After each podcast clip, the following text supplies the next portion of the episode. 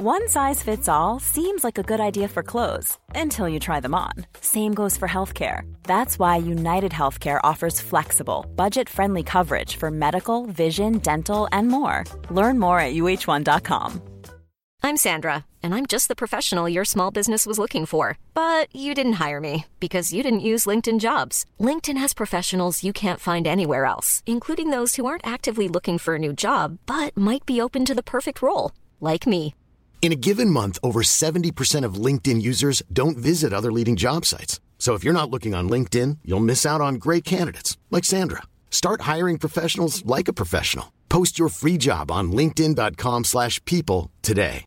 Hey Dave. Yeah, Randy. Since we founded Bombus, we've always said our socks, underwear and t-shirts are super soft. Any new ideas? Maybe sublimely soft. Or disgustingly cozy. Wait, what? I got it. Bombus. Absurdly comfortable essentials for yourself And for those facing homelessness. because one purchased equals one donated. Wow, did we just write an ad? Yes. Bombas. Big comfort for everyone. Go to bombas.com slash ACAST and use code ACAST for 20% off your first purchase.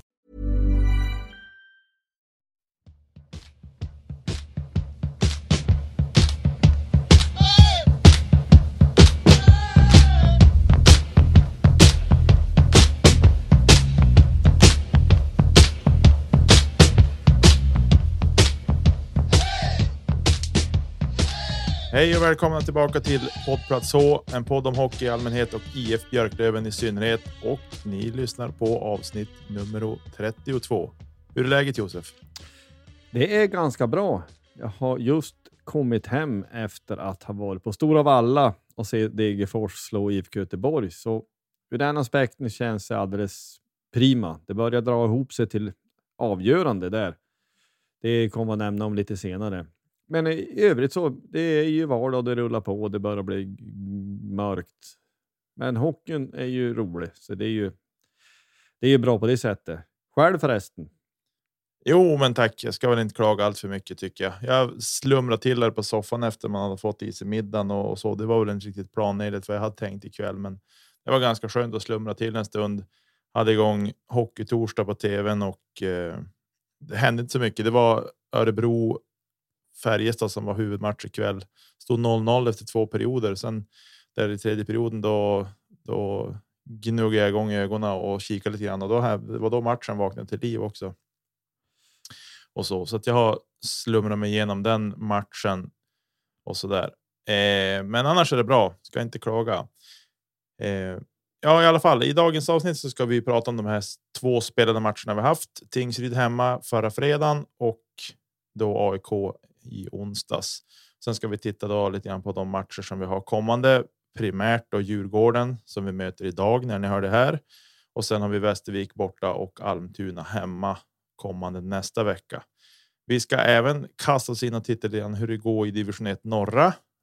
Och eh, förutom sen övrig idrott som vi tar där mot slutet så har vi en liten hyllning till Börje Salming inlagt också. Men jag tänker att vi tuffar igång bara helt enkelt. Absolut. Ja, vi önskade oss två hemmavinster eh, senast vi pratades vid och det fick vi också.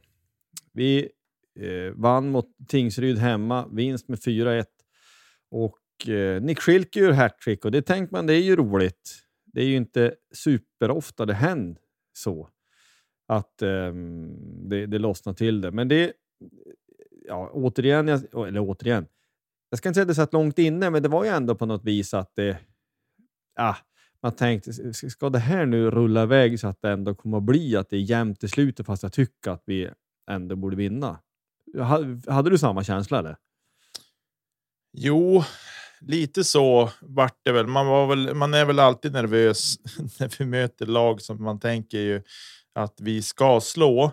Eh, rakt upp och ner, för det är i alla fall den synen jag har på på eh, oss. Så här, vi fick ju en, en smakstart efter drygt två och en halv minut spelat när Alexander Wiklund kunde dunka in en puck som vart lite förlupen där eh, efter lite trassel där. Så det var ju tacksamt, men vi fick inte hålla i den ledningen så länge innan innan då eh, Tingsryd kunde kvittera och som då sen stod sig det eh, perioden ut. Men sen började ju. Ja, egentligen våran våran stjärnkedja och våran första lina började ju tugga igång där eh, och kom in lite mer på insidan. Mm. Och kunde därav skapa väldigt bra målchanser och dessutom så kunde ju Schilke dunka in ett par puckar för oss. Så, eh, men jag tycker väl inte så där. Jag tycker fortfarande det var lite runt och lite utsida från Björklövens del. Däremot så tycker jag att vi har väl trampat igång skridskoåkningen betydligt bättre så att och det gör ju att det skapas de här ytorna för att kunna ta sig in i mitten lite grann också. Lite mer än vad vi har lyckats med tidigare. Ja, definitivt är det så. Det är, tempot är ju allt eh, i en sån skridskodriven liga som jag tycker att Hockeyallsvenskan är. I någon mening är väl all hockey så, men det, det åks ju också, också. Har man inte riktigt tempo då, då funkar det inte riktigt. Sen tror jag också i samband med deras kvittering i första perioden där så skadade sig ju Jakob Olofsson. Jag tror att det störde oss också. För Mm. det, är ju, det är ju en märklig situation. Alltså att det är ju ing, det är ingen situation som någon rår för i meningen att någon uh, gör illa någon med flit. Vilket jag i och för sig då tror att folk inte gör särskilt ofta. Men alltså det, är- det är liksom en, en krock. Alltså det är ju Rahimi väl som tacklar deras snubbe och klubban flyger upp i huvudet Mm. på Olofsson. Men visst är det så att eh, spelare är alltid ansvarig för sin klubba? Jo, det är ju regeln är ju skriven så att det alltså. Det finns ju som egentligen inga förmildrande omständigheter, vilket på något sätt man skulle kunna tänka att det här skulle kunna vara att den här spelaren blir tacklad och därmed inte kan liksom. Det är en sak om de jagar kapp en spelare och ska lyfta klubban och de missar den och slår upp den i ansiktet eller så, vilket händer jätteofta. Eh, men eh, i det här fallet så blir är ju den spelaren som då i sådana fall ska ha haft hög klubba är ju blir ju tacklad i samma situation och eh, det är otroligt olyckligt. Men jag tycker att det finns som ingenting, inget tveksamhet i just tolkningen kring regeln där. Eh, och den tar väl fruktansvärt hårt den där smällen eftersom att han inte är med i laget eller har varit med sedan dess. Nej, precis. Det är, det, när man tittar på det i efterhand så känns det som att, eller känns, det blir ju en, en hävstång. Så att det Mm. blir som en, en snärt och så är det väl klart att ta det precis exakt så, så gör det ont. Ja, Att det inte blir utvisning är en sak, men jag tycker att det är anmärkningsvärt att två domare inte blåser. Alltså två huvuddomare, du, du måste ju blåsa av honom, han ligger ju ner. Så att de tillåts ju kvittera, det är i praktiken ett powerplay. Så och Björklöven hade ju pucken vid, Mm. vid något tillfälle, så att de inte blåst tycker jag är jättemärkligt. Eller det är för Ja, dåligt. väl- det- Du ska blåsa, punkt. Vid huvudskada ska de ju blåsa. Det är en Ja. sak om de går ner i skottäck och får ont. Eh, om det inte har tagit i huvudet då. Men när det är huvudskada så är det ju sagt att de ska blåsa. Så att jag tycker att det är, är väldigt märkligt att de inte blåser. En annan detalj i det här när spelet ändå fortsätter. Det är att jag tycker att sargstudsen nere i hörnet för Rahimi eller det som gör att han missar pucken helt och hållet. Det är att det är någon otroligt märklig sargstuds där. Alltså, Ja. Jag vet inte om de träffar i skarven i dörren eller någonting där ismaskinen åker in och ut som gör att pucken får en sån märklig eh, studs som gör att Rahimi liksom tappar pucken och sen lyckas de då. Eh, ja, Daniel Örn tror jag det är som lyckas dra in den till han som då sen gör målet där och det är ju ingenting för Diori att göra i det läget. Det är ju. Eh, det är svårt. Det är från nära håll och det går fort där. Ja. Så att den, går den kan vi inte lasta honom för så att säga. Men man har ju ett blad mer än oss. Så, Ja, att, eh, så enkelt är det. Och jag håller med om sargstudsen, utan den så blir det ju inte mål. nej. Utan det blir ju på det sättet. Men det är klart att det är frustrerande. Och ehm, det var ju, måste man ändå säga, roligt att lyssna på Alexander Wiklund när han skulle intervjuas i paus där. Både att han fräs till ordentligt mot domarna att de inte blåste och sen så, men vad är det för chatter? Ja, Alltså att han är märkbart irriterad på att den där situationen, alltså hela den situationen. Det är ju, ja men, man är påkopplad och det är roligt att det märks. Det är ju, ja, det är roligt med folk som vågar säga vad man kanske tänker just där och då, så inte sitter rätt och lagt jämt ja, precis. Eh, men sen började Nicolas Schilki show får vi väl ändå säga. Eh, när han trampade igång där andra perioden ordentligt, eller hela hans lina. Jag tyckte att de, de har kommit igång bättre och bättre här och hitta mer ytor inne i boxen mera än att det har varit lite mycket utsida som jag tycker har varit ett problem under ett par matcher här och framförallt de matcher som vi har förlorat så tycker jag att det har varit väldigt mycket utsida. Eh, och men det gäller att kunna hålla i det också, att inte falla tillbaks och hålla sig. För blir det mycket utsida så det är det bästa som finns som motståndarlag och försvara sig mot lag som bara vill åka på utsidan. Ja, ja men vi har ju tjatat om det hundra gånger att det är för runt. Det är för runt och för, för utsida och jag, jag, säger inte att vi är för bekväma, för det är det ingen som tänker så, men det blir så. Mm. Av någon anledning och det är ju liksom hör ihop med hur, hur vi jobbar på med skatingen. När vi mm. trampar på lite hårdare så är det lättare att ta sig, ta sig fram. Men det fick ju till följd i alla fall att Olofsson utgick ju. Så att nu är vi ju gubbar kort mm. på, på centersidan. Så vi utgår ifrån att Kente har sina krokar ute. Vi, vi lånade in uh, Oliver Johansson. Han sa ju själv att han helst skulle vilja köra center. Mm. Så jag, jag, tycker väl att men det kanske han skulle få ta och prova med.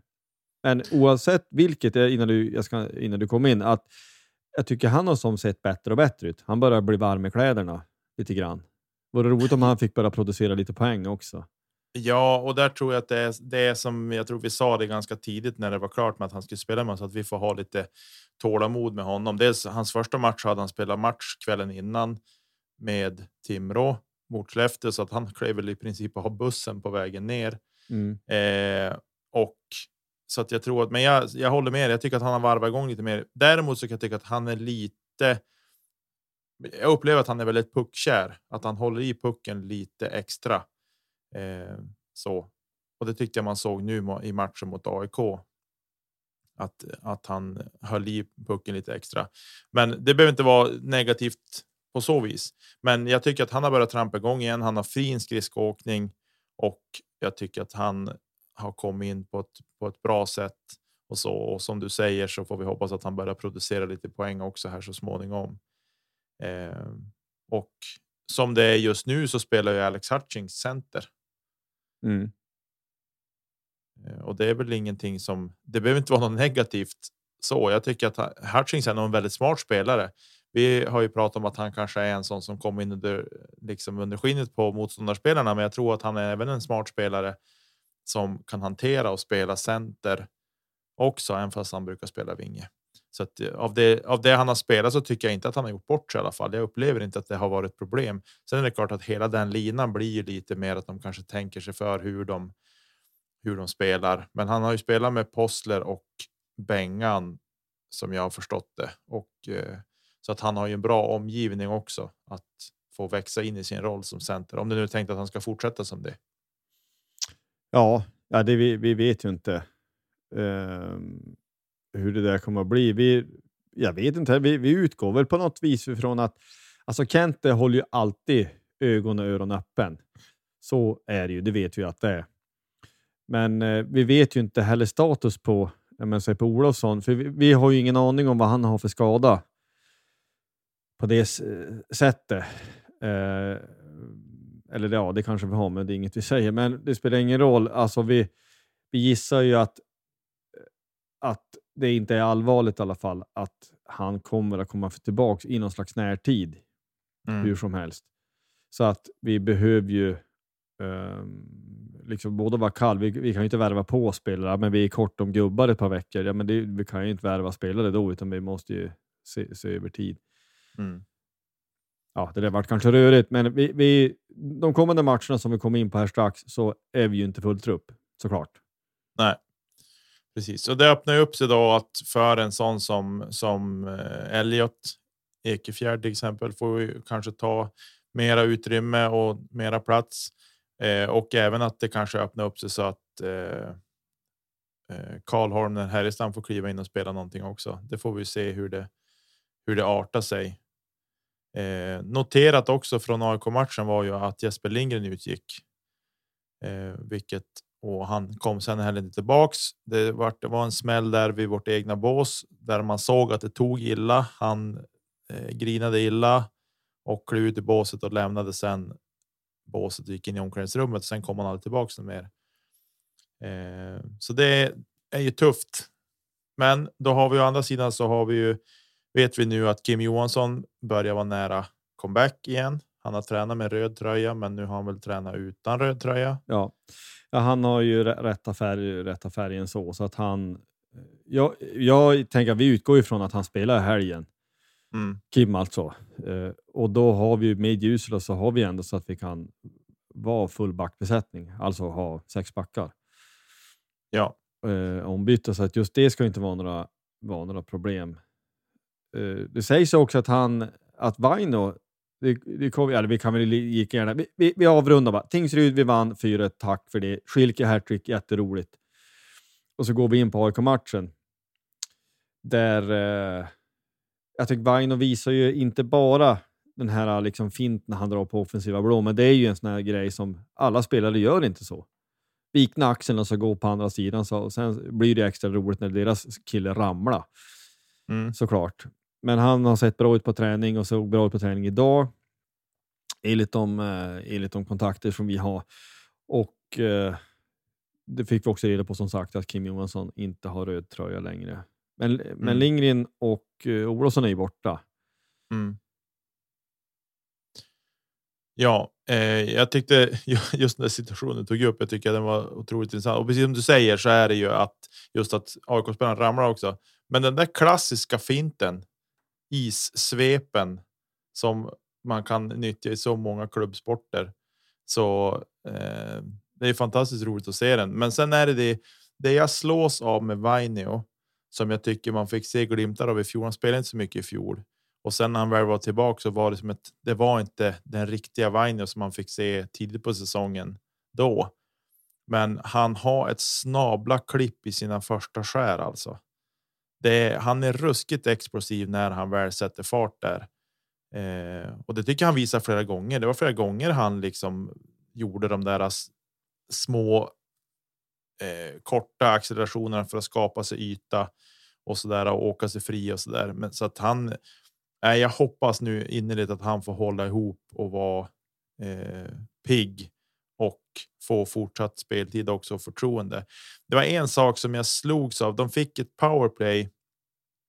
AIK rätt tidigt i matchen eh, där Vainio slutade åka skridskor mm. i hemjobbet. Han vid egen blå ungefär. Då började han ställa sig och, och åka med bara och titta liksom på mot pucken varpå det kommer en AIK spelare och åker bakom honom som det slutar med att han hakar upp. Jag tyckte väl att att hakningen i sig var kanske inte så grov, men det slutar med att AIK-spelaren ramlar och åker ner i kortsargen och eh, jag tänkte att ja, det här kan lika väl bli straff. Men det vart det inte, utan det vart en utvisning på Vainio.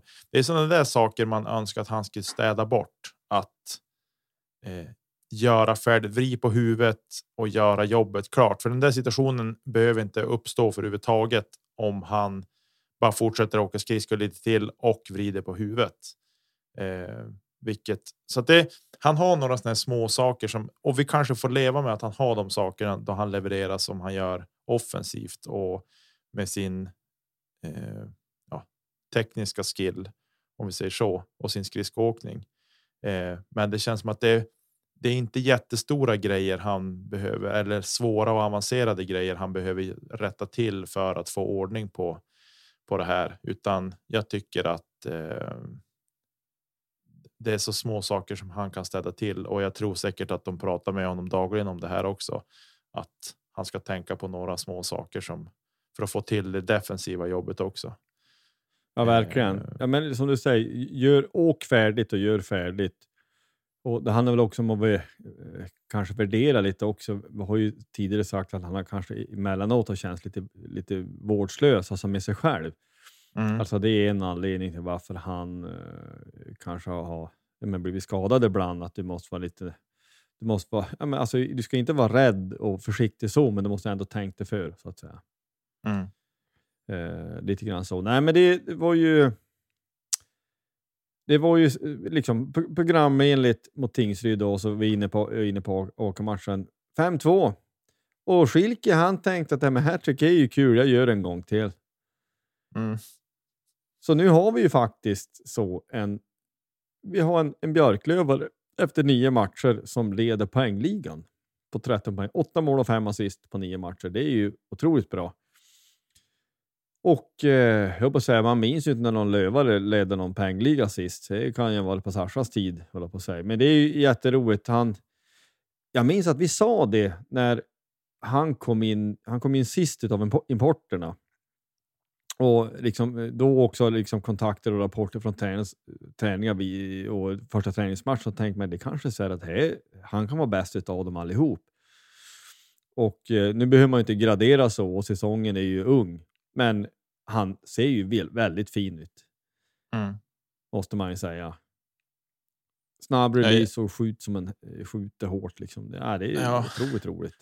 Jag tycker han, han, jag tycker han och Weigel påminner lite grann om varann. Hur de liksom, de är, de är ungefär jämnstora. Eh, skillnaden är då att att eh, Schilke är rightare, men liksom de visiret lite högre och så där. Och eh, ja, de påminner lite grann om varandra. Så det har varit någon gång jag tänkte bara, jaha, det var Weigel, det var inte Schilke. Så där, när, de, när det har bara varit någon åkning så där. Eh, men jag tycker ju att Schilkes, om det blir hans eh, om det var hans tredje mål där han trampade in i mitten och hängde. Det som Nörstebö sen slog in. Ja, precis. Om det var hans tredje mål. Den prestationen av Schilke. Han gör en acceleration där när han är i toppen på på slottet kan man väl säga där inne i boxen där han trampar till ett par skär extra för att skapa sig en yta precis innan han skjuter. Eh, det är sådär äh, många gånger när man ser spelarna åka de där bågarna så det blir ingen större fartökning utan det är mer att backen inte. Men här hänger som backen med eller försvarande spelare hänger som med honom, vilket gör att han gör den här accelerationen mitt i den här åkningen som skapar den lilla yta han behöver för att kunna knäppa iväg skottet. Eh, och den sitter ju rätt upp i krysset eftersom att pucken kom ut lika fort igen. Eh, så det var ett ruskigt fint hockeymål av och en fantastisk individuell prestation på det. Eh, de andra målen är ju första målet han gör. Eh, är väl en passning ifrån eh, Jesper, Nörsteby. Nej, Jesper Lindgren tror jag det är. Jesper Lindgren som och, drar in den där. Ja. ja, och det måste man också säga att det är ju otroligt fina handleder. Ja, precis. Liksom det är eh, målet jag tänkte på. Det är Scott Poulis mål. 2-0 målet är det jag tänker på. Det är den Nörstebö som passar ja, in. Det, där står de två stycken lövare i, i princip i målgården och kan raka in den ja. pucken. Nej, men det är ju jättefint och också det som det blir det här naturliga målskyttet. Ja, men han, han gör inget fancy pansy, men han, han, han skjuter så det blir väldigt snyggt. Det verkar som att han tycker att krysset är där de ska sitta, eller högt i alla fall. Mm. Men jättefina avslut. Nej, men det är otroligt roligt och bra öga att uh, värva en sån här kille. Uh, det är det. Och uh, konstatera också att Vainio har två ass till två av hans tre mål som mm. han gör. Och, ja, liksom, tänker man också på poängproduktion så Weigel har ju producerat nästan en poäng per match. Alla assist, givetvis. Ja. Tänk om, tänk om Weigel kunde skjuta, vilken spelare. Han sköt väl någon gång i den här matchen också tror jag. Ja, man blir förvånad varenda gång i hen. ja, eller kan och kan, han, då kan ju han ju skjuta, men han väljer att ofta att inte göra det. Men han, jag, jag skulle gissa att han har ju, han har ju bränt lite lägen. Mm. Så jag, skulle man fråga han själv så skulle han ju säkert säga att ja, men åtminstone en, tre, fyra mål skulle han ha gjort och det kommer säkert att loss med. Men du vet, om, du, om han snittar ett ass per match så får man ju vara nöjd. och Dunka in 50 assist på en säsong. Mm. Eh, Verkligen. Eh, så det, det, får man ju säga. Nej, men vad har vi att säga om AIK-matchen? I alla fall innan tänkte man att vi, vi minns ju eh, givetvis 0-4 borta på Hovet. Vad blir det här? Men det är, jag tycker att vi, ju längre matchen leds såklart, vi, vi har ju den här spetsen i våra, inte minst våra importer. Mm. Vi, vi är över tid och i längden vi är tyngre och vi är starkare och trampar lite hårdare. Så att ja, men vi, vi är helt enkelt ett bättre hockeylag än vad de är. Ja, eh, någonting som jag som jag eh, funderade kring lite grann. Vi hade ju ett par powerplay i den här matchen. När vi ledde med 2-0 så hade vi ett powerplay eh, som inte alls såg bra ut. Eh, vi slog bort en del puckar. Vi kunde vinna teckningen i anfallszon, men ändå liksom inte inte kunna förvalta det läget. Det är klart, när vi leder med 2-0 och det blåser lite vind i segern som och dras åt rätt håll så funderar man inte så mycket på det. Men jag kan tycka att samtidigt, det är lite oroande att det fortfarande ser så dåligt ut som det gör i powerplay. Visst, vi har gjort powerplay mål och det har lossnat så, men det är ju små glimtar som kommer lite nu och lite då. Det är liksom inget. Jag förväntar mig inte att vi ska göra mål i varenda powerplay, men jag tycker att vi ska kunna få till ett att kunna ställa upp ordentligt. Nu vet jag att AIK är tvåa i boxplay-ligan bakom Djurgården, mm. så det är väl.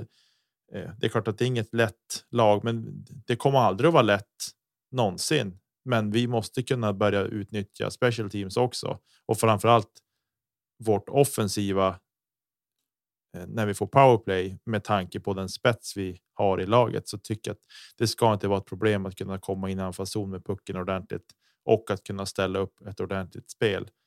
Eh, för oavsett, nästan oavsett hur mycket press eh, boxen sätter så ska vi kunna med ett par snabba passningar ska vi kunna få ordning på och kunna ställa upp ordentligt så att de backar av. De blir lite trötta på kort tid och att de slutar tokåka så mycket. Men det är det. Hamnar vi mycket med ryggen mot banan och vi slår, vi skickar med runden och så där framåt där, då blir det inte ordnat och då vågar ju dessutom boxen kliva ut och sätta mera press också. Eh, så att jag tycker att det finns fortfarande en hel del att hämta i i powerplay spelet. Eh, men jag ser någon sorts skillnad. Det är inte lika mycket dropp genom mittzon heller nu, utan det är mer att vi passar lite mer i sidled och kommer med fart in i anfallszon så att vi i alla fall kommer in i zon ordentligt. Jag tycker alla de här dropperna som har varit att någon gubbe ska åka sig igenom tycker jag inte har funkat eh, över tid. Ja, men fram, framförallt inte på ett samlat, samlat försvar. Jag tycker ibland är det som att en del, men både Weigel och men flera andra, liksom, ja, men allvarligt talat, hit med pucken. Och så bara åkte de in och så ställde de upp. Mm. Eh, och det, så ska det ju vara. Jag, jag, tycker att vi kan väl inte sitta här att vi ska kräva en viss procent, men alltså det är ju inte orimligt att tänka att Björklöven ska göra mål vart fjärde powerplay. 25 procent, det tycker inte jag är orimligt någonstans. Nej, det tycker inte jag heller. Inte med den, med den trupp vi har. Absolut inte. Och sen så kan jag tycka i flera matcher så har vi varit nära. Alltså att alltså nära. Nära är ju nära och det är ju inga mål. De räknas lika lite som det. Vi har ett jättedåligt powerplay, men eh, sett över tid så tänker jag att du kan inte ha otur eller ha ställa upp och ha ett bra powerplay. Eh, det var ju någon match där ja, men det var ju Polelinan var ju inne, det var hela två minuter. Vann första teken var det väl och så kom de aldrig ut ur zonen fler gånger. Mm. Utan, och då, jag menar, en sån gång kan det ju lika gärna bli mål. Jag tycker också i matchen mot Vita Hästen borta hade vi ett, i tredje perioden hade vi också ett bra powerplay som var nästan två minuter anfall. Jag menar, en sån gång kan ju lika gärna bli mål. De, de, det är vin ju runt stolparna och det, det är ju nära. Nära är lika lite mål som mm, jätte inte nära. Men du fattar vad jag menar. Jo. Så att vi, vi, har, vi har sparkapital, men det är ju... Alltså jag skulle bara vara mer orolig om det såg bara kast ut hela tiden. Om vi aldrig etablerar och vi inte skapar någonting. Mm. Nej, det, det håller jag med om. Eh, och vi lyckas ju ändå. Det jag har sett nu när man har, jag har suttit och sett en hel del SHL matcher också. Nu ska vi inte jämföra rakt över så, men det jag tycker man ser en skillnad. Det är liksom, ja, men bryter de pucken i Alltså om det blir en misslyckad rensning till exempel eller någonting, att de bryter pucken i mittzon eller på sin egen blå linje till exempel. Eh, de vänder ju direkt.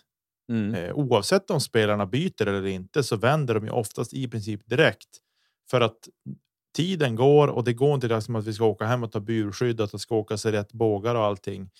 Eh, och det tyckte jag vi såg även liksom under ja, rekordsäsongen. Nu ska vi inte försöka prata så mycket om det som har varit, men jag tyckte att där var Björklöven mera vända direkt in i anfallszon, fortsätta etablera. Eh, jag kan tycka att det har blivit som att det har gått lite grann i att det har blivit lite krampaktigt, att vi måste hem, ta burskydd, komma rätt bågar så vi får åka upp rätt. Eh, det tycker jag är en stor skillnad mot SHL-lagen. De allra flesta vänder direkt och får pucken. Det är liksom inget att någon måste komma rätt på utan då blir det mer att den individuella kreativiteten får ta plats och att man åker. För jag menar, de vet ju vilka positioner de ska spela på när de väl kommer in i anfallszon. De har ju en idé i sitt powerplay vad de ska göra för någonting. Jag tycker att det skulle, skulle Björklöven också kunna göra mycket, mycket bättre än vad vi gör. Ja, man skulle ju kunna tänka ibland att ja, men, kör mer instinkt. Det är klart att vi ska ha struktur och ordning, men det får inte vara för mycket heller. Att du måste göra Nej. exakt på visst sätt. Nu säger vi ju inte att det är så, för det vet vi inte, men man kan få den känslan ibland. Jag håller med dig. Ibland kör, kör bara. Det är ett blad ledigt jämt, så kör vi på det. Mm. Typ. Ja, men det var jätteskönt med sex pinnar in, det måste man ju säga. Att nu börjar ju det ordna till så. Tabellen ser ju, börjar se trevligare ut också. Och Mm. eh, vi, vi, vi, vi fortsätter och börja prata, tänka och prata om kommande matcher, eller, vad- eller vad säger du? Jajamän, det gör vi.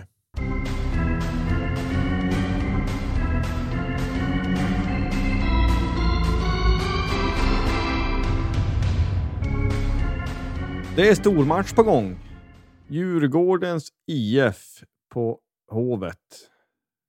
Den här matchen var ju en av de första som man tittade till i spelschemat när det var klart att när är den? Jag har som en, en hypotes att jag ska dit.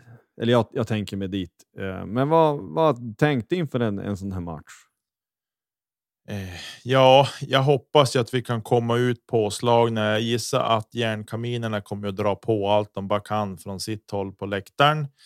Eh, och jag hoppas verkligen att vi kan hantera det, för det kommer ju säkert att vara ruskigt hög fart från Djurgården i starten på matchen eh, och att vi kan hantera det och stå emot. Eh, klyscha, jag vet, men det tror jag tror att starten på matchen är superviktig. Jag tror att kan vi stå, stå emot bra där och att vi även kan liksom anfalla på dem och skapa bra lägen för oss själva så tror jag att vi kan skapa lite oreda för dem och eh, ta oss därifrån med tre poäng. Eh, men jag tror att det kommer att bli en tajt batalj. Eh, det törs jag nästan säga rakt upp och ner att det kommer att bli en tajt match. Jag hoppas inte och tror inte på någon utskåpning åt det ena eller andra hållet, utan eh, det gäller att vara påslagen. Jag har svårt att se att man inte ska kunna vara påslagen till en sån här match. Faktiskt. Jag tycker att eh, järnkaminerna tycker jag är en av de bättre supporterklubbarna i landet, både på både på fotbollssidan, men även på hockeysidan såklart. Nej, men det är väl så här att när de samlar sig är de bäst i Sverige. Mm. Det, det kan vi liksom erkänna bara här rakt upp och ner här och nu. Vi kan ta det från lite från vänster. Det var ju en massa år sedan när jag var på Järnkaminernas dag i januari den säsongen, vilken det nu var. Men eh, eh vi hade eh, Alexander Hellström spela i Örebro och de mötte Örebro. Och då ledde Örebro med eh, 3-0 efter 10 minuter vad det var. Och då, vad jag bland annat minns var ju att det vart ju grinigt då såklart. Alltså Djurgården blev ju grinig och, och då var det ju en fight mellan Alexander Hellström och vem det nu var. Så det kommer jag ihåg. Nej, men det var ju ett, ett stort tifo och eh, de, äh, det var ju bra drag. Sen så vart det väl lite segare såklart när Örebro tog ledningen. Men det sjuka är ju att vad jag minns av den matchen är ju Djurgården är ju en i virket från 3-3. Alltså de kämpade, nötte sig in i den matchen så att det Ja, det är, det är vad det är. Men det, det, det ska bli otroligt intressant. Jag tycker det är intressant om man tittar på eh, tittar på poängligan så är ju ingen djurgårdare topp 20. Bäst är ju gamle bekantingen Olle Liss.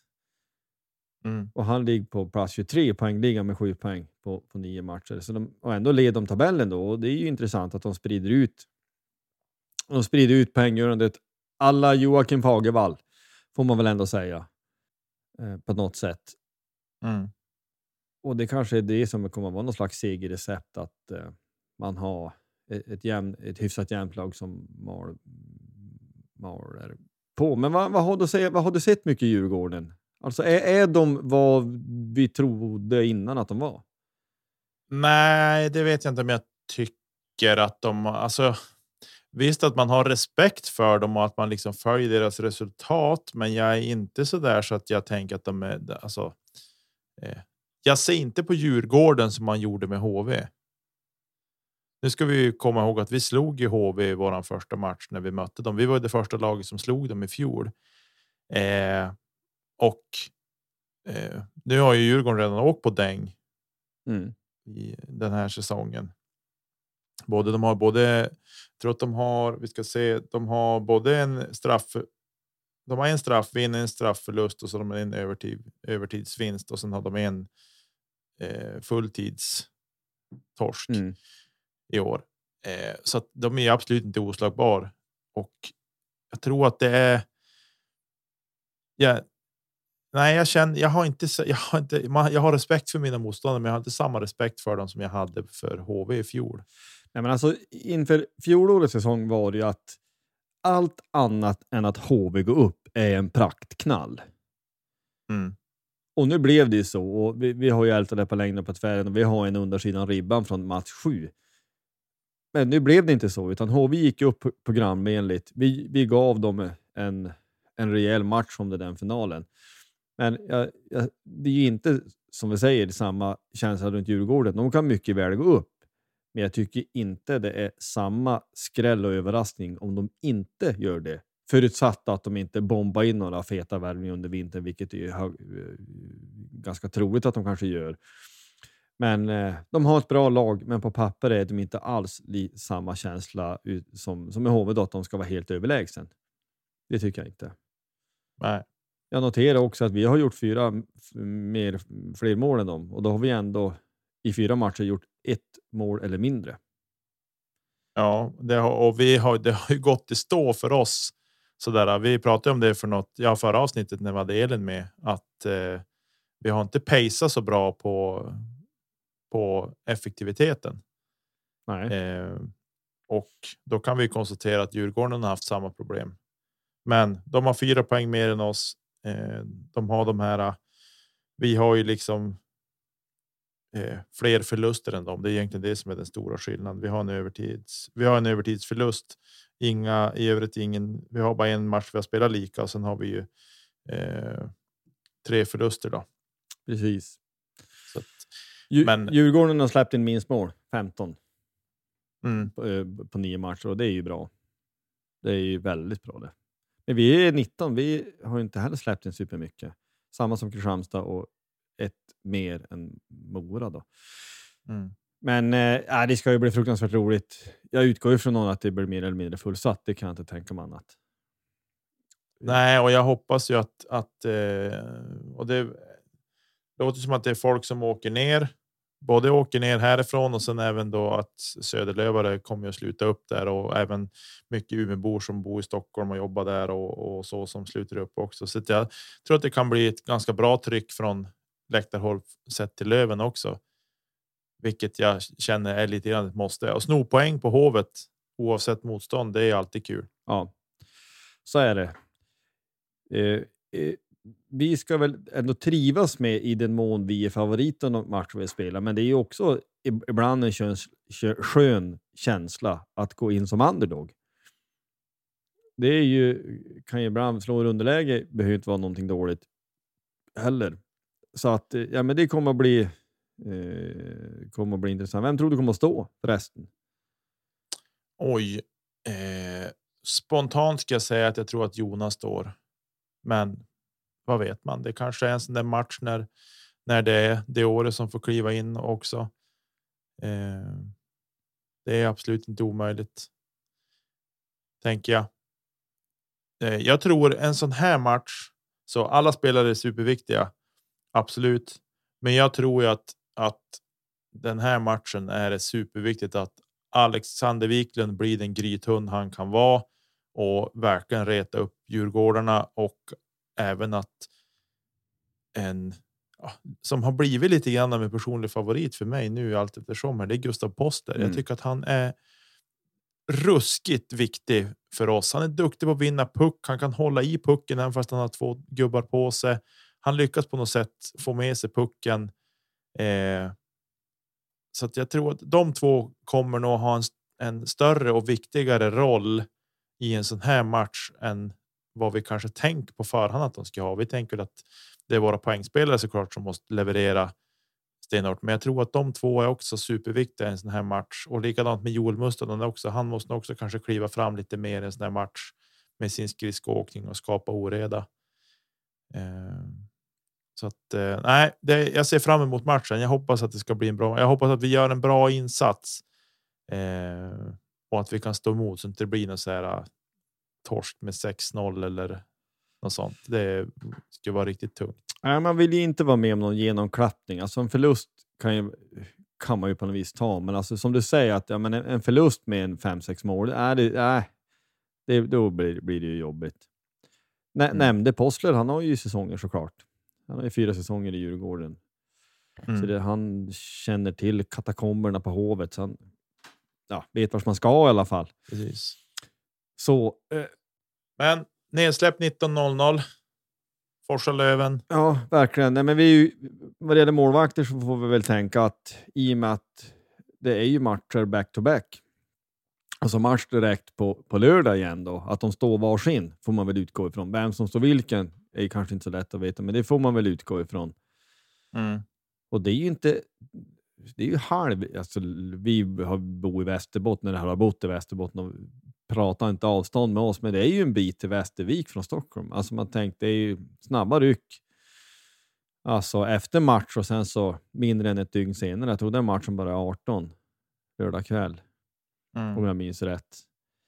Man hoppas ju verkligen då att man, man kan tända till fast man har haft en sån urladdning eh, som vi kan utgå från att den här Djurgårdsmatchen är, att man ändå kan tända till och göra att göra något vettigt av den matchen ändå. Jag tror att det är en nästan en fördel att vi spelar mot Djurgården först. Oh ja. Eh, nu gick det ju bra eh, för oss med eh, Östersund, Modo, det var back to back sist. Eh, än om det satt väl lite längre inne än vad man trodde i Östersundsmatchen. Men jag tror att just den här helgen så är det fördelaktigt att vi spelar Djurgården först, att vi får ha fullt fokus på den och att sen då Västervik blir lite mer av en, ja men att eh, antingen blir det en chans till revansch att vi bara mosar dem eller att vi kan åka ner och göra en gedigen insats igen på eh, nere hos dem då. Så, men vi får se vad som vi får se riktigt vad som vad som händer. Eh, och Västervik jag tyckte mig obehaglig varenda säsong. Vet inte riktigt vars man har dem heller. Så. Nej, nej, men det är ju för ett par år sedan när Kalin var där så visste man ju då definitivt att de kommer alltid att vara väl coachade och han gör bra grejer med de lag som han tränar. Ligger 11 och har ju inte eh, varit superbra hittills. Så, eller det kanske de har varit utifrån förutsättningar. Det är, en, en klubb, eller det är ganska många klubbar i Hockeyallsvenskan, är ju så att de, det är ju Många klubbar är ju klubbar som spelare passerar, inte minst importer. Alltså lyckas de mm. bra så vet ju Västervik att de här kommer ju inte att stanna. Men de har ju hittat den här Daniel Brickley. Jag hade aldrig hört talas om han förut. Det, visste du vem han var? Nej, nej, nej, nej. Som har varit hur bra som helst. Jag menar, han kommer från Norfolk Admirals i ECHL och så är han helt grym och har gjort 12 poäng på nio matcher. Som back dessutom. Så, mm. Men en sån kille, han är ju inte kvar nästa säsong om han fortsätter så här och är frisk. Det är ju givetvis så. Men det kan. Precis. Det är ju topp tre kallaste ishallar som jag varit i. Dit planerar jag inte att fara jag har inte möjlighet. Annars skulle man kunna gjort någonting, att man ja, sov över någonstans på något lämpligt ställe. Men nu, nu blir det inte så. Men det, det, det, är, det vet alla som har varit dit som åskådare. Det är lång kalsong på, för det är kallt mm. där. Men jag hoppas att Björklöven kan komma påkopplade dit och göra något vettigt av det. Och, ja, får man sex poäng på de här två matcherna vore det kanon. Men jag är nöjd eller om man nu kan säga så, man kan vara nöjd med en förlust. Men om man säger tar man en vinst av två så får man väl ändå betrakta det som en, en godkänd helg så att säga. Ja, noterbart är att Västervik har tre raka inför. Nu möter de ju ikväll. Eh, fredag så möter de ju Västerås borta så att de har ju en lika lång mm. resa mm. som Björklöven har. ner, eh, men de kommer i alla fall hem igen. Så, men de har tre raka torsk och så innan och kanske fyra nu då, om de beroende på hur det går mot Västerås. Så att eh, där finns det väl en hel del revanschlust också såklart. Men eh, ja, vi får se vad det blir. Det blir kul, kul med två matcher i rad och eh, sen väntar ju då till veckan. Eh, på onsdag så har vi Almtuna hemma. Mm. Eh, för att sen då om en vecka ta oss an Mora borta. Eh, så det blir. Det blir en spännande vecka. Jag tycker Almtuna är också Kimby tillbaks där. Eh, ja, det är svårlästa ska jag vilja säga att de är. Det är, man vet inte riktigt vart man har dem, men han får ihop gruppen. Så är det. Ledarskapet där är ruskigt vasst. Ja, men det känner vi ju till. Det har vi också konstaterat och pratat om många gånger att Kimbys del i vår rekordsäsong ska inte underskattas. Den var väldigt viktig. Så att, Mm. eh, att han skulle kunna eh, så att säga styra upp och, och få lite fason. Men det är som du säger, det, det är lite blanda och ge. Alltså de är väldigt bra, spelar jämnt mot en del eh, stora lag där man slår Ja, nu går ju AIK inte superbra, men man har slagit dem i alla fall på förhand enligt av lagen som man tänkte ska ligga på övre halvan i alla fall. Men nu liksom torsk senast mot Östersund. Är ju kanske inte vad man hade räknat med innan om man hade gissat. Så det är väl lite, lite vad det är. Det är fortfarande tidigt på säsongen, men i alla fall. Mm. Men liksom, eh, alltså hemmamatcher ska vi ju vinna alla vi spelar. Det är ju måste, någon, annat, någon annan utgångspunkt kan man ju inte ha, inklusive den mot Almtuna, givetvis. Mm. Ja, nej, det, vi måste bygga upp så att vi är starka i vår hemmaborg. Så är det bara och det har vi ju varit också tycker jag. Det har ju varit några plattmatcher här, men jag tycker att vi totalt sett så brukar vi kunna varva igång och med eh, Green Devils i ryggen så har det ju lyft och blivit ännu bättre. Eh, så. ja, men eh, ska vi eh, lämna det där och så hoppar vi in och tar ett litet litet svep kring eh, division 1 norra. Det tycker jag. Ja, där har de ju spelat. Det är en lite haltande tabell. Eh, ledande Piteå har spelat sju matcher och likaså Vännäs har också spelat sju matcher. Eh, men du tar här så ser vi då att eh, Piteå leder på 16 poäng, men med då sju spelade matcher och eh, tvåa ligger har vi Hudiksvall med bara endast fem spelade matcher, men har 13 poäng. Eh, Boden har likaså 13 poäng och har spelat sex matcher. Eh, sen då om vi vänder på och tittar i botten så har vi eh, Kiruna AF sist. Fem raka torsk. De har minus 21 i målskillnad, gjort endast åtta mål på de här fem matcherna. Eh, Örnsköldsvik, Örnsköldsvik har lyckats klämma till sig en vinst i alla fall. Men de är näst sist och så har vi Vännäs på åttonde plats. Men de har spelat tre lika och, och fyra torsk och skramlat ihop till fem poäng. Är det inte lite grann innan vi fortsätter och, rent resultatmässigt och tabell, så att det finns två division 1-lag i Kiruna? Ja, det är imponerande tycker jag. Det tycker jag. Vi har ju haft i och för sig. Vi har ju haft när Teg har varit uppe och vänt i här. Eh, eller vi mötte dem ju i division 1 var det väl. Vi spelade samtidigt som dem. Så, så det är klart att, men vi är ju en betydligt större stad också, så det är ju en, en annan sak än, än, än vad Kiruna är. Men det är, jag håller med dig, det är imponerande och de har ju, de har ju levererat en hel del bra hockeyspelare. Eh, historiskt sett får vi säga. Eh, precis, men vad har du? Eh, Ah, tänkte, Har du koll liksom på division 1? Att du, att du följer den i någon utsträckning? Jag brukar vara inne och kolla lite resultat emellanåt.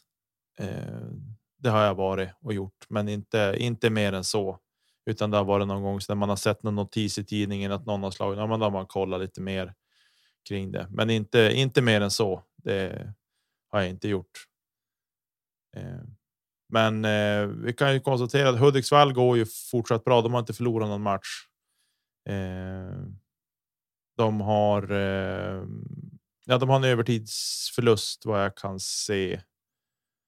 Eh, eller om det är en straffförlust kanske vi ska säga att det är. Jag noterar att eh, den interna poängligan i Piteå leds ut av Björklövenbekantingen Joakim Högberg. Minns du han? Mm, ja, Han gjorde en säsong 16-17, 51 matcher och 20 poäng hos oss. Rightare. Han eh, har gjort 16, var ganska snabb tror jag. han har gjort 16 poäng på sex matcher. Ja, men jag vill minnas att man tyckte han var bra. Och att det var, eller Ja. man tyckte att det var en bra värvning då. Tror vi värvar inte han från typ Tingsryd eller något sånt? Jo, det måste det ha varit. För jag minns de hade ett par snabbskriv. För jag vill minnas att han var ganska snabb. Ja, då, han spelade Tingsryd förr. Jo, men det minns jag. Eh, och det jag kollade nu också. Här. Ja, men det, det gjorde han. Han kom från Tingsryd till oss. Gjorde bara en säsong där. Annars har han varit framförallt Norrbotten. Ja, han har gjort några matcher i Almtuna också, men annars har han mest eh, varit i, i norr, Norrbotten trogen. Mm. Precis. Nej, men som sagt, vi har ju. Det är tio lag i i division 1 norra och där är det som sagt var Piteå toppar tabellen före Hudik och Boden. Och sen har vi Kiruna IF på fjärde plats, Sundsvall på femte ovanför strecket då. Och det är väl de här som blir då.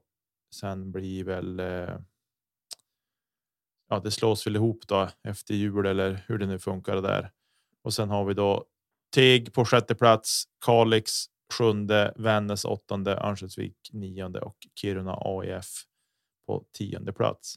Och vi återkommer i kommande avsnitt med de andra hockeyettan. Men alltså, serierna. man måste väl ändå säga att eh, hockeyspelare som spelar i division 1 måste ju vara liksom riktiga sanna hjältar. Alltså det kan ju inte vara superglamoröst att åka buss från Kiruna till exempel till Örnsköldsvik för att lira division 1 inför 12 åskådare där och sen fara hem. Nej, Det verkligen är väl- inte. Liksom, och jag, jag kan inte tänka mig heller att det finns så mycket ekonomi. Liksom. Du får en back läsk och en korvring för besväret. Och så, ja, nej men det, det, finns någonting, det finns någonting fint i entusiasmen som måste finnas hos spelare som ändå tycker att det är kul. Det, det är klart att man kan ha ambitioner i, division 1 också, lika väl som alla andra. Det är inte det vi säger. Det är det jag säger. Men man imponeras ändå. Uh, nu, ja, Östersund gick upp från den här serien. Det var väl liksom den här uh, taken som många har att den norra ska vara sämst utav division 1-serierna. Det har vi ju inte sett än. Men Hudiksvall gick ju långt i fjol och de går väl för år igen. Och Piteå har väl alltid haft i någon mening någon slags ambition om att ja, de har ju spelat i allsvenskan tidigare. Jag minns att jag har ju varit i Piteå och sett dem. Mm. Um, fin hall har de för övrigt, vad jag vill minnas. Mm. Ja, är intressant, men det ska bli kul att följa upp det här lite med jämna mellanrum. Hur det tuffar på i i hockeyettan också. Verkligen. Och så. Ja, Josef, jag tror vi hoppar in i ett lite allvarligare segment, men eh, take us away. Ja, nej men det har väl nog inte undgått någon att Börje Salming här för, ja det var väl augusti tror jag, så ja men blev det att man, man berättade att han hade ALS. Och sen så kom det en intervju här bara för någon dag sedan. Jag ska ärligt säga, jag såg inte hela, jag stängde av, jag pallade inte. Jag, jag tyckte det var så hjärtskärande tragiskt och han gör tummen upp och man säger, att han, han kan ju inte prata längre. ALS är väl en sjukdom som gör att nervbanor, om jag nu minns rätt, eh, alltså nervbanorna till musklerna liksom slutar fungera så att ja, kroppen slutar fungera och till slut så tar det andningen.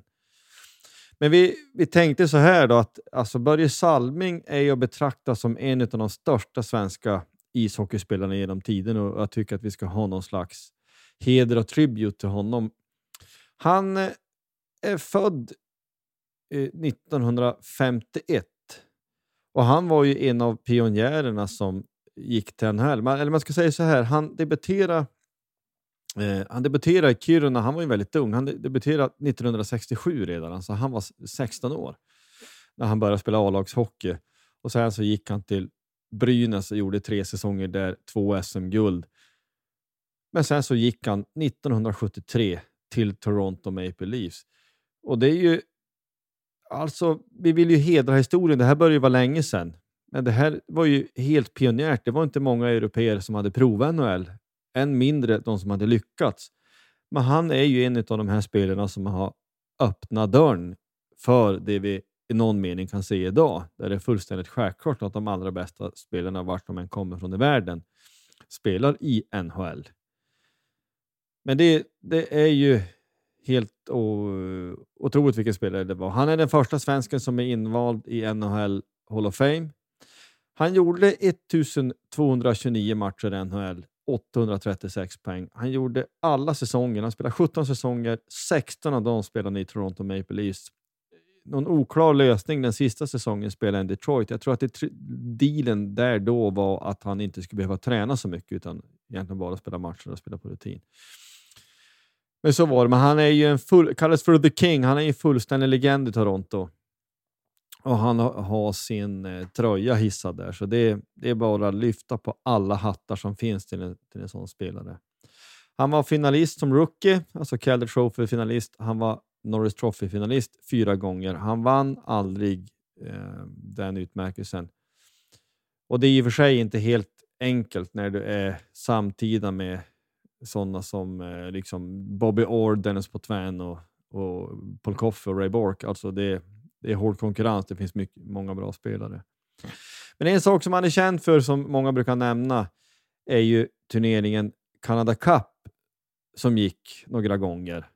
Eh, som är liksom kanske kvalitativt den bästa landslagsturneringen som någonsin har spelats. Så 1976 så spelade Sverige Canada Cup i Toronto och han fick ju då, när man då kör line-up där, så är det ju ett klassiskt klipp som jag rekommenderar alla människor att se. Han får en stående ovation i Toronto. Då om inte förr så dyker det ju upp för europeer och inte minst då såklart svenskar hur otroligt stor och älskad Börje Salming var i Toronto. Men vad har du på Börje Salming? Jag är ju dels är jag kanske lite för ung för att jag har ju som inga minnen från det jag var liten av honom så, utan det har ju som mer kommit med sitt idrottsliga intresse att man har liksom gjort. Ja, men man har tittat bakåt på honom. Jag vet att det kom en bok med honom någon gång där på 90-talet eh, där det bland annat stod hur många stygn han hade fått sy i ansiktet. Han eh, var ju en sargad men fruktansvärt hård spelare på så vis. Eh, och jag vet att jag hade en klasskompis som gjorde specialarbete just kring Börje Salming som grottade ner sig i det där. Så det är väl egentligen det jag har. Men sen är han ju man. Man har ju som förstått ju mer man har läst om honom och sett klipp och sådana saker. Hur fruktansvärt stor han var, framför allt där borta i Kanada. Så att och det som man det som nu han har drabbats av ALS är en fruktansvärt vidrig sjukdom. Mm. Eh, och just på det sättet som den bryter ner kroppen är ju är ju hemsk. Och eh, det är tragiskt och det har ju verkar ha gått väldigt fort också för Börje tyvärr. Eh, som då nu har gjort att han har tappat språket tyvärr. Och samma precis som du sa, jag hade fruktansvärt jobb. Det var jobbigt att se det där klippet än någon som alltid har varit så ödmjuk och som så framåt och så påslag, alltså så på mot att träffa nya, de träffar nya människor så är det fruktansvärt jobbigt att se det som nu sker att han. Nej, det var. Det var tufft att se den intervjun och det. Ja, vi får se vart det där tar vägen någonstans, men Börje är ju. En av våra absolut största, om inte den största hockeyspelaren vi har haft hittills. Eh, för mig är han topp tre och eh, ja, nej, jag, jag lider så fruktansvärt med familjen. Han är ju. Han har passerat 70 strecket, men. Det hjälps ju inte att man man blandar in den delen i det utan. Man blir man blir det, det berör en hårt. Eh, och alla andra människor också som för den drabbas av den här vidriga sjukdomen. Så. Ja, men så är det ju verkligen och det, det man önskar ju inte sin värsta ovän det här. Man, något mer, om man nu kan säga värdigare sätt att på något vis avsluta sitt liv på. För menar, det här kommer att ta hans liv. Ju. Det är ju inga hemligheter, Ja. utan det här, det här, han kommer inte att leva särskilt länge till. Det här är liksom så galopperande att taga. Men en riktig, det som är så märkligt, han är en riktig hårding. Läser man bara hans skador, ja, men var och varannat har lossnat. Han har fem tänder utslagna, han har, eh, han har en brygga, han har 50 nedsatt syn på ett öga för han har fått en klubba. Han eh, har ett, ett ärr från pannan över ögat till mungipan, 300 stygn. Brutet näsben fem gånger, sydd och tillrättalagd ytterligare några gånger. Ögonbrynen är sydda över 20 gånger. Listan kan man hålla på länge som helst. Axlarna har gått ur led. Eh, lungan eh, har... Han har fått slagskott så lungan har liksom gått hål på. Alltså det är, man tänker att han ens sitter ihop överhuvudtaget. Hockeyn var hårdare för på ett sätt, men också var de ju... Eh, vad ska jag säga, han var ju så hänsynslös. Han var ju en sån där människa som... Lite som Rahimi. Det står 5 men det är klart att jag ska täcka skott. Inte, Mm. eh, det är en sån här som var... Han var inte snäll mot sin kropp, helt enkelt. Ja, så att eh, det är en, en, en riktig legend. Och ri- riktig. Han, eh, han gjorde tre säsonger i Sverige i slutet på sin karriär. Eh, han, gjorde, han gjorde tre säsonger i AIK. Och jag har faktiskt sett honom live en match där 1992. I den tredje match om man nu ska vara petnoga. Ett derby mellan AIK och Djurgården där AIK vinner med 3-0. Och eh, det klippet finns på tuben och där är det ju, man kan se liksom som en, eh, en detalj. AIK leder med 2-0. Han slänger sig för att få ut pucken i zon som också då blir en assist till ja, den som AIK till AIKs 3-0. Alltså han var en, han var en fantastisk hockeyspelare och han är en legend. Och som sagt, vi, vi lyfter på alla hattar och tycker det är vansinnigt trist att eh, den här sjukdomen har drabbat honom. Men vi minns honom för den fantastiska hockeyspelare han var. Den pionjär han var och den dörren han öppnade för många andra. Och det är vi för alltid tacksamma för.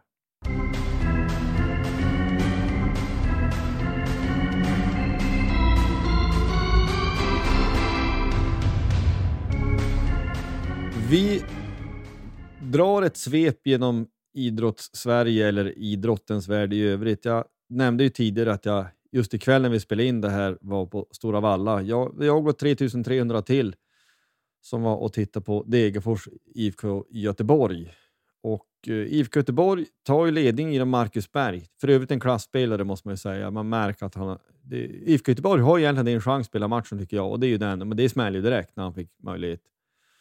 Så det står 1-0 i paus till dem. Men sen så tycker jag inte att det är något, är något snack. Degerfors kom ut påkopplade i andra halvlek och sen så tar man över och vänd på steken där.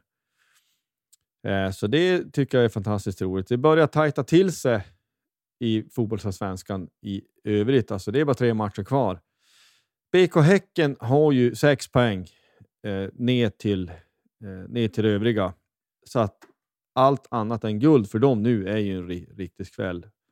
Och det blir ju första SM-guldet för dem i så fall.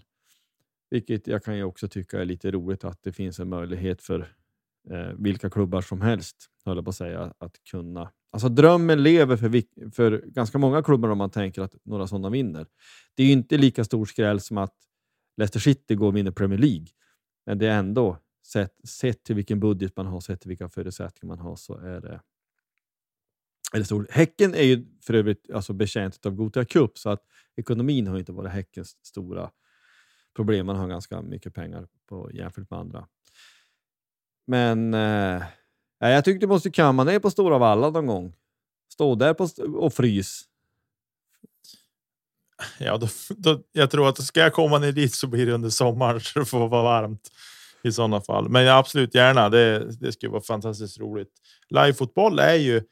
Det var länge sedan jag var såg live-fotboll på så. Jag säger mina barn spelar sina matcher såklart, men men eh, just på på högre nivå så så var det länge sedan jag såg live-fotboll. Men det är roligt ändå att se det live också. Det hjälps ju inte, men man har inte tid med allt. Eh, sådär. Men jag tittade igen på tabellen och det är ju. Det är ju det är tajt. Både det har ju, ja, Häcken har ju ryckt lite grann i toppen. Det kan vi konstatera. Eh, och eh, än om det inte räcker med att kanske vad var det, tre matcher kvar. Eh, så kanske de ja, för att säkra seriesegern behöver de fyra poäng till kan man väl konstatera. Eh, men det ska väl mycket till att de kanske ska tappa den där nu på de matcher som är kvar. Eh, Djurgården måste ju gå rent kan vi väl konstatera och att Häcken bara tar. Eh, ja, en poäng till egentligen. Ja, alltså det, det krävs ju något, eh, något exceptionellt måste man säga. Och, och framförallt är det så alltså matematiken är ju en sak, men framförallt så är ju Häcken så bra. Alltså Häcken mm. slog AIK igår var det väl, när vi spelade in det här. Och de har ju, de, de darrar ju lite på manschetten. Degerfors hade ett kryss borta mot eh, Häcken för eh, ett par omgångar sedan, eller no några omgångar sedan. Men efter det så Häcken slog ja, AIK borta. Man slog ju Djurgården borta. Också i mm. liksom en riktig topp toppstridsmatch där. Eh, så att man har ju liksom tagit, tagit, till, mm, ja, tagit ihop det så att säga. Eh, Djurgården räddade ju säsongen tills vidare i alla fall ett tag ikväll. Man, led, eh, man vann med 3-2 men låg under med 2-0. Alltså borta mm. mot Malmö. Så det var ju starkt. Och de har ju också Europaspel att tänka på. Det är väl det här som man har sagt en miljon gånger, att det är svårt för svenska lag att spela både i Europa och vinna ligan samtidigt. Det gör man inte särskilt ofta. Nej, det vi kan konstatera är väl så här. BK Häcken ska ju möta Malmö i nästa omgången på söndag hemma. Mm. Eh, Medan Djurgården på måndag spelar hemma mot Sundsvall och Sundsvall är ju redan. De är ju klara för att åka ja. ur. Eh, och det har de väl varit ganska länge.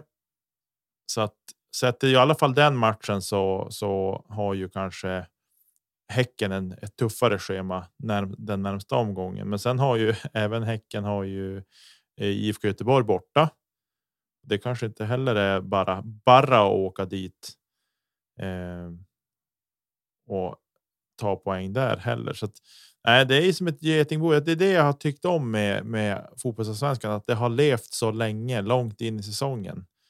Eh, och det är väl först nu egentligen med tre matcher kvar som vi kan ja, mer eller mindre säga att BK Häcken kanske kommer att ta det här till slut ändå. Men, men eh, det tycker jag är roligt.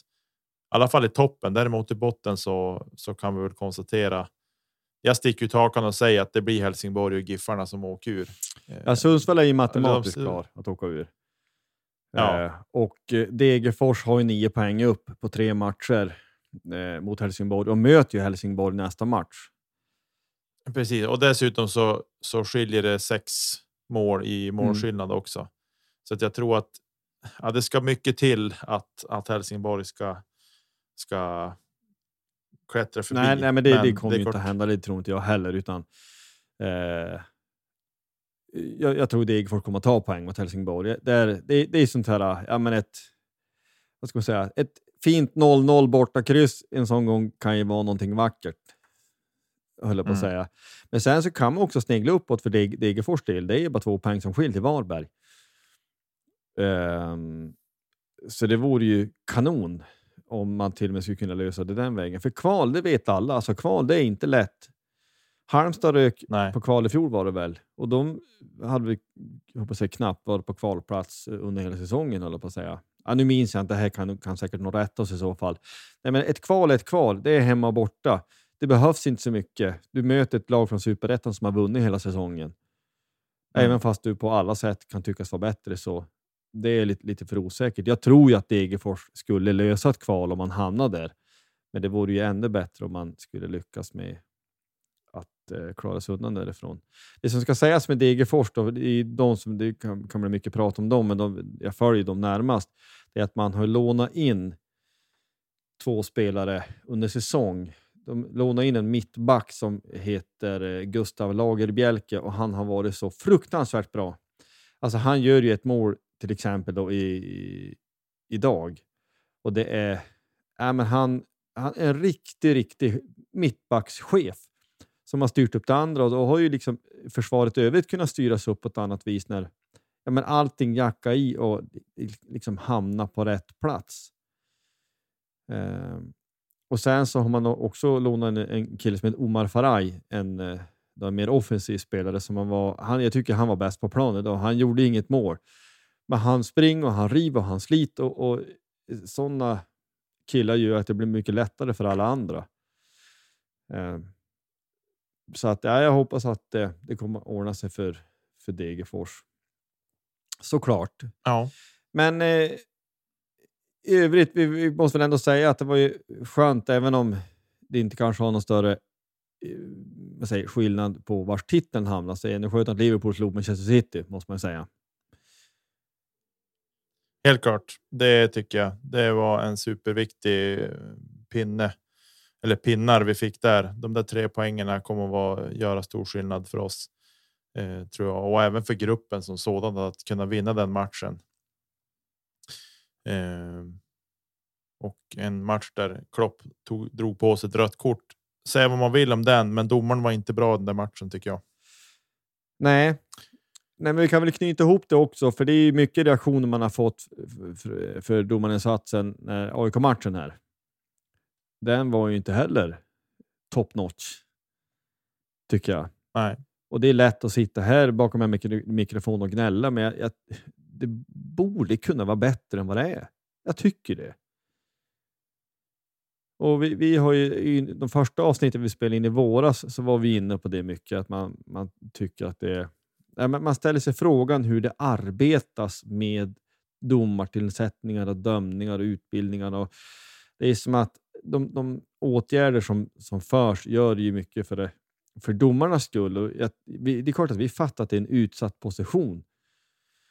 Men och man har ju fått det till att det är en, en arbetsmiljöfråga, vilket det är. En arbetsmiljöfråga för domare, men det är också en arbetsmiljöfråga för spelare. Och den aspekten mm. tycker man lyft alldeles för sällan. Nu vann vi matchen så det gick bra eh, i alla fall på, det, på så sätt. Men det, det är för klent. Det är också en situation där någon, någon, att man, man kan missa, men man, man ska kunna missa ja, men när pucken är ute 30 centimeter och det ändå inte blir offside.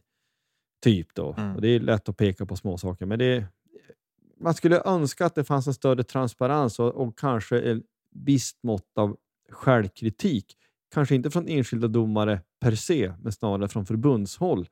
Men det är som att vad som än händer, här Wettergren som är väl domarchef för Hockeyallsvenskan, du, du får ju aldrig han att ytta, yppa ett enda ord om att men vi kanske behöver bli bättre, duktigare. Nej, precis. Och det i sig är lite sorgligt att eh, skyddas och skyddas och skyddas och skyddas. Sen kanske det ifrågasätts internt, men man tycker att någonstans borde det väl kunna vara sunt att man kan ut och säga men vi måste bli bättre som som grupp. Eh, vi domare också såklart, men det sägs ju aldrig. Nej, tyvärr. Eh, men ja, det är vad vi Vi ska inte fastna i gnällträsket där heller, men vi, vi kan konstatera att jag tyckte att det var att eh, det var inte en, en jättebra insats från deras håll. Men nog om det. Jag säger så här, Forsalöven, tre poäng ikväll på Hovet skulle vara fint och så väl mött nästa vecka Josef. Ja, men vi säger så. Ha det så gott. Hej, hej.